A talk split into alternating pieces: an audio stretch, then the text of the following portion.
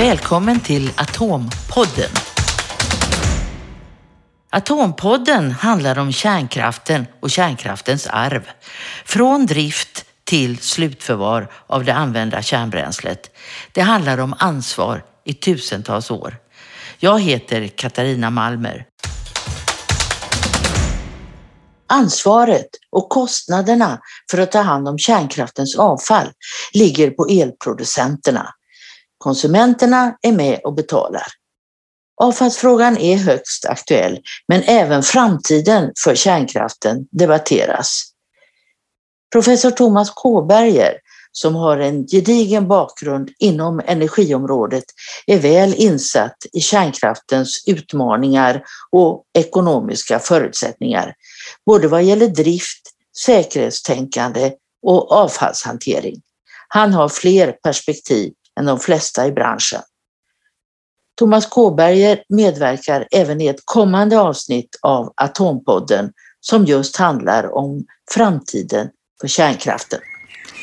Ja, jag är teknisk fysikingenjör från Chalmers från början och har doktorerat på Chalmers och eh, blivit docent och professor på Chalmers och, och i Lund. Sen har jag jobbat i eh, miljöorganisationer och branschorganisationer med energifrågor. Jag har jobbat i ett antal energiföretag i styrelser eller som VD eh, och jag har eh, suttit i ett antal statliga utredningar och varit chef för Energimyndigheten och jobbat en del med energifrågor som rådgivare och gästprofessor i Kina och Japan. Vad gör du idag? Jag jobbar fortfarande i Japan med förnybar energi. Jag leder ett institut där med 25 personer ungefär och eh, jag jobbar lite grann på Chalmers och så har jag några styrelseuppdrag i Sverige. Sitter i Klimatpolitiska rådet och i Klimaträttsutredningen just nu. Och Vattenfalls styrelse. Mm. Du känner inte att du sitter på olika, för många stolar? Eh, inte för många. Jag sitter på många stolar men eh, det är eh, ofta ett väldigt eh, bra sätt att byta perspektiv och lära sig förstå sakfrågorna ur olika perspektiv. För det gör både att man kan eh, bidra med argument med andra perspektiv och man kan eh, förstå sammanhangen bättre än om man bara sitter på med ett perspektiv.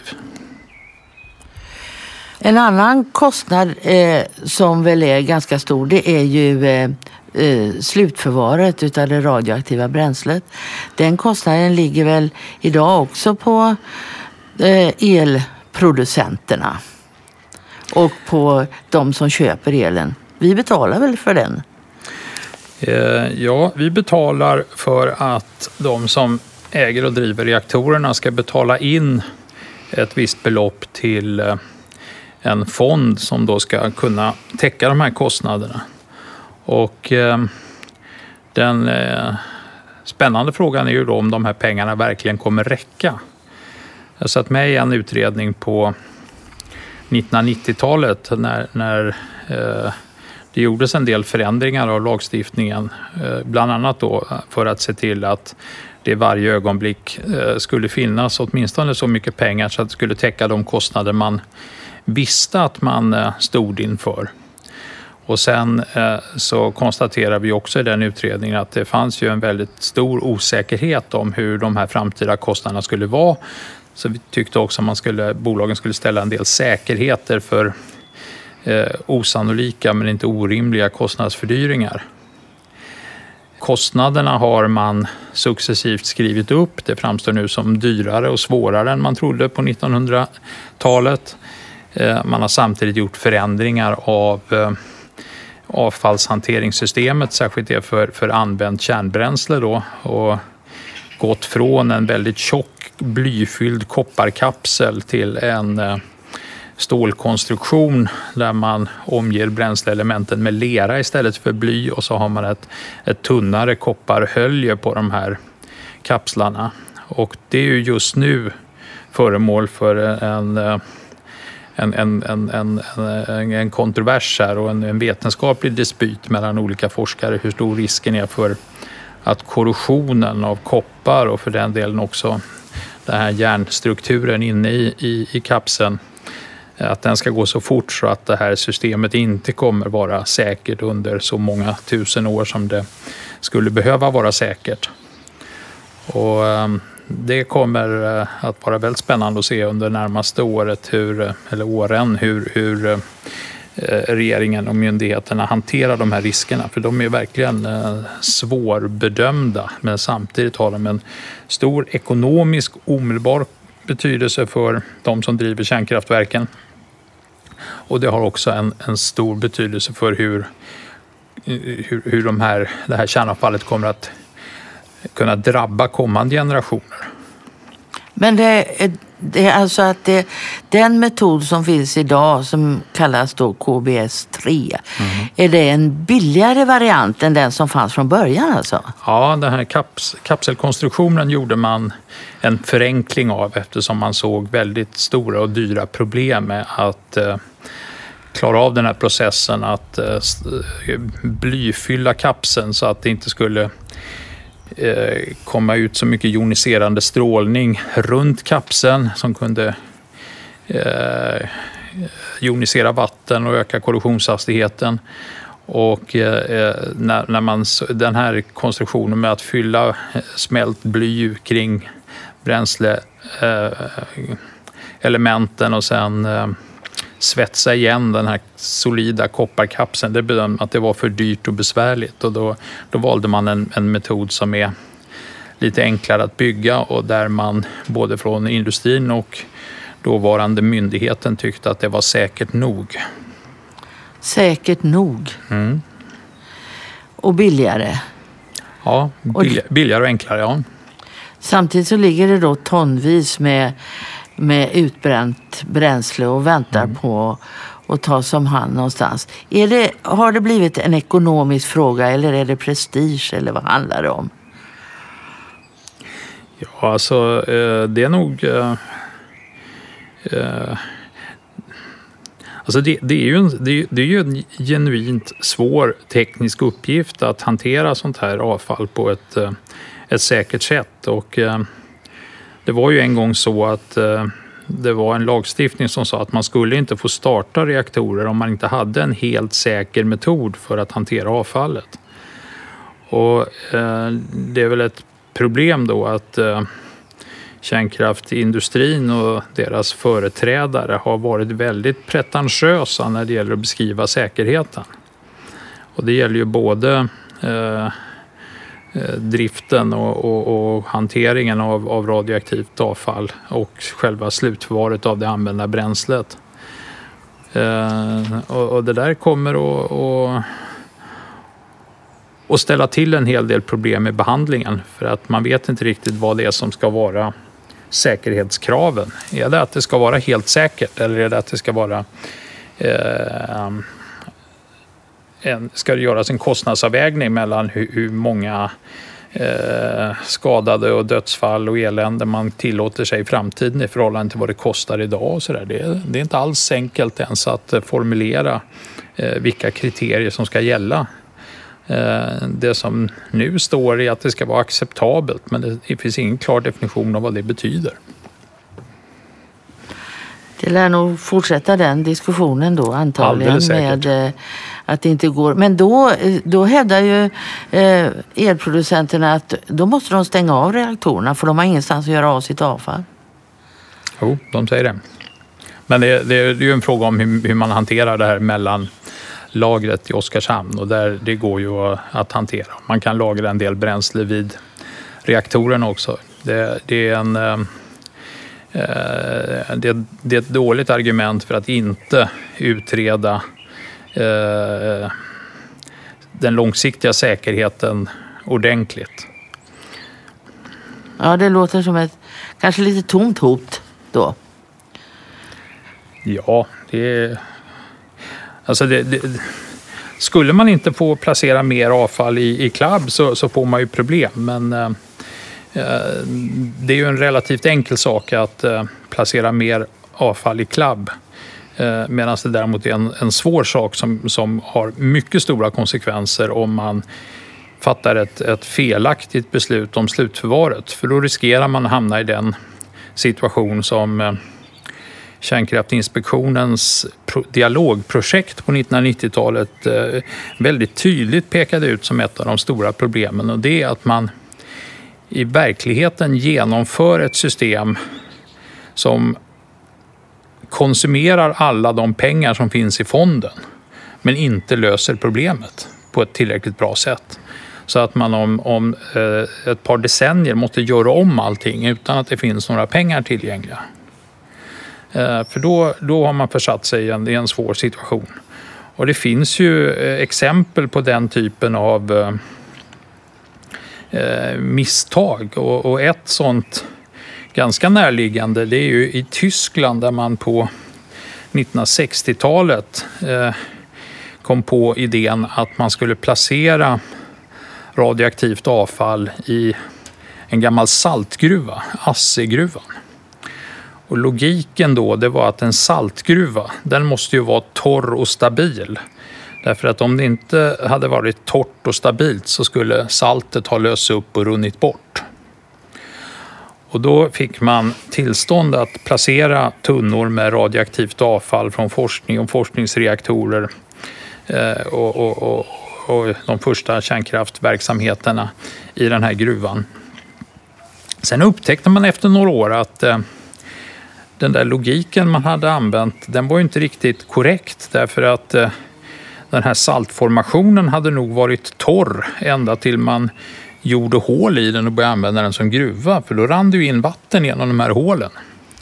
Så istället för att det var en stabil formation så blev det då en, en, en, en, en, en grotta där man hade salt och vatten. Och det är väldigt bra när tunnor eh, ska rosta sönder för det gör de ganska lätt om man lägger dem i saltvatten. Men då var det under några år så att man drev ändå det här förvaret vidare och stoppade ner mer avfall där. Inte därför att det var en stabil formation utan därför att man hade tillståndet. Och sen när man till slut insåg att det här var ett väldigt dumt misstag och man hade lagt 100 000 tunnor där varav eh, med ett innehåll av bland annat några kilo plutonium så kom man på att det där var ju dumt så det är det bäst vi slutar med. Och sen dess så har ett antal tyska miljöministrar av olika partipolitisk tillhörighet varit helt eniga om att eh, nästa miljöminister nog har bättre förutsättningar att hantera det här problemet. Så att eh, eh där ligger nu de här tunnorna eh, och eh, rostar sönder och man har inte särskilt god koll på exakt vad som finns i dem och man konstaterar att det kommer kosta förmodligen hundratals miljarder kronor om man skulle försöka ta upp och ta hand om det här. Så att nu eh, ser det ut som om den enda rimliga lösningen är att man lägger en, eh, en stor kupol av betong över alltihop och hoppas att det inte ska rinna ner vatten och föra ut, sprida den här radioaktiviteten.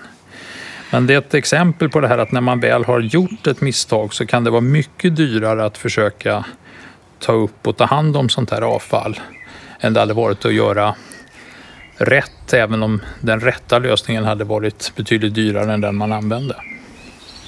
Vi har ju ett exempel på eh, avfall som måste tas upp ur lagret i eh, Forsmark för det har blivit fel. Mm. Och där står också några tunnor och containrar som ja. inte håller hur länge som helst. Nej. Ja, visst, det, det går att hitta ännu närmare exempel på hur man har gjort misstag. Och, och där är det också en fråga om hur, hur, hur, hur, hur gick det där till? Alltså det här att man eh, eh, klassificerar avfallet som mindre farligt än det egentligen är därför att man då får en billigare, enklare, eh, billigare, enklare krav på hanteringen. Eh, och, det här är, det är ett stort problem i hanteringen av den här typen av avfall. För den delen allt miljöfarligt avfall. Det är inte bara en fråga om radioaktivt avfall. Att eh, eh, man kan när man driver avfallshanteringen tjäna mycket pengar på att eh, hantera det slarvigare och billigare än man borde göra ur ett samhälleligt perspektiv. Och därför har eh, myndigheterna som övervakar och granskar de här verksamheterna ett väldigt starkt ansvar och det finns också väldigt goda skäl att inte överlåta det här ansvaret till organisationer där det finns ett vinstintresse som gör att man eh, har en drivkraft att fuska och, och hantera avfallet på ett billigare, slarvigare sätt än vad som vore eh, rätt för, för samhället. Men det företaget som idag har det stora ansvaret, alltså Svensk kärnbränslehantering, det är ju ett aktiebolag och de får väl se till sina slantar. Ja, men jag tror ingen förväntar sig att de ska gå med vinst. Eh, men eh, eh, det, det, det, går att diskutera om det bör vara ett, ett företag som ägs av reaktorbolagen eller om det borde vara en, en, en samhällsägd verksamhet som, som drev verksamheten. En gång så slängde man ju ner tunnorna i havet, dumpade avfallet där. Mm. Det var kanske också en billigare metod. Ja, och, och, när man gjorde det här då på 60-talet, och det var ju mycket från, från då eh, kärnvapenutvecklingsarbetet och så, då, då, såg man det väl dels som en, en billig och enkel metod och sen trodde man kanske att det var tillräckligt säkert för att eh, kunskapen om hur skadlig joniserande strålning är, den har ju utvecklats så att ju mer man har lärt sig, ju farligare verkar det. Så att det var lite grann en, en, eh, ett resultat av tidsandan och det var ett resultat av att man under, underskattade hur farliga, hur skadliga radioaktiva föroreningar var. Men ju längre vi kör med kärnkraften nu, desto mer avfall kommer vi att få. Och mer producera av alla slags eh, med den här joniserande strålningen. Då kommer vi få eh, ett eh, evigt problem. Det bara växer ju längre vi kör kärnkraften. Eh, ja, kanske. Eh, jag vet ju att eh, de som eh, idag hoppas på att nya reaktorteknologier ska bli eh, ekonomiskt rimliga, de brukar ju bland annat ställa stora förhoppningar till system där man skulle använda det som idag är avfall från reaktorer eh, som en del av, av bränslet i nya reaktorer. Eh, och, och, och, det skulle då menar man kunna reducera det verkligt långlivade avfallet. Men samtidigt så skulle man ju då när man återanvänder, återvinner det här eh, eh, nuvarande avfallet då i, i upparbetningsanläggningar och så, så skulle det leda till att man frigjorde och delvis producerade ännu mer av mer intensivt strålande, eh, mer kortlivat eh, radioaktivt avfall. Eh, så att det, där är det viktigt att hålla isär vad det är för tidshorisonter på hur farligt det här avfallet är. Eh, men, men eh, visst är det ett, ett, problem att ju mer kärnkraft som drivs, ju mer radioaktivitet sprids. Och det är ju också det skälet att det här med att späda ut föroreningarna, det löser inte problemet så att det minskar antalet skadade. Däremot kan det vara väldigt relevant för industrin att sprida ut avfall därför att det blir svårare att bevisa vad som har orsakat skador. Alltså spär man ut eh, radioaktivt avfall så att väldigt många människor drabbas lite grann så kommer ingen kunna hävda att just de har fått cancer på grund av, av de radioaktiva föroreningarna för den cancern skulle lika gärna kunna orsakats av andra faktorer. Så att man slipper skadeståndsprocesser på ett sätt som man inte gör om man bara utsätter några få för en hög dos. Det är bättre att sprida ut eh, dosen på många för då kan ingen bevisa att man har orsakat en skada för dem. Är det, det, är det liksom strålningen som du ser som eh, kärnkraftens problem eller är det andra? Eh, har kärnkraften andra problem också? Alltså strål... Ut, spridningen av radioaktiva föroreningar sker på fler, i flera olika led i, i samband med kärnkraft. Det sker när man bryter uran för att producera bränsle till reaktorerna. Det sker vid rutindriften av reaktorerna och eh, det sker i samband med olyckor och det sker eh, när avfallshanteringen inte fungerar perfekt. Och ett stort problem är ju att hela den här apparaten leder till att det sprids radioaktiva ämnen som inte skulle spridas om man inte drev kärnkraften och det till och med produceras ämnen som inte överhuvudtaget skulle finnas annars. Så att eh, eh, eh det, det, det, är en del av problemet. Men sen är det också de här eh, indirekta effekterna. För att skydda sig mot spridning av radioaktiva ämnen så är eh, kraven på säkerhet och övervakning av kärnkraftverken och kärnkraftanställda och sånt där ett problem som, som, som har samhälleliga konsekvenser. Risken för terrorangrepp mot kärnreaktorer är ett problem. Risken för att kärnreaktorer ska bombas i krig och därmed i princip ge fienden möjligheter att eh, bedriva åtminstone radiologisk krigföring mot det land som har reaktorer är ett problem. Eh, så att, så att eh, det, det, finns fler problem. Och sen naturligtvis det att har man kärnreaktorer för civila ändamål så har man kompetens, material och en hel del utrustning som är väldigt relevant om man också vill utveckla kärnvapen. Och det tror jag just nu är en viktig drivkraft för eh, flera länder som överväger att skaffa reaktorer eller att fortsätta driva reaktorer trots att det inte är energiekonomiskt motiverat. Det är att, eh, att det här att, att kunna eh, bygga kärnvapen är något som ger en, en geopolitisk status.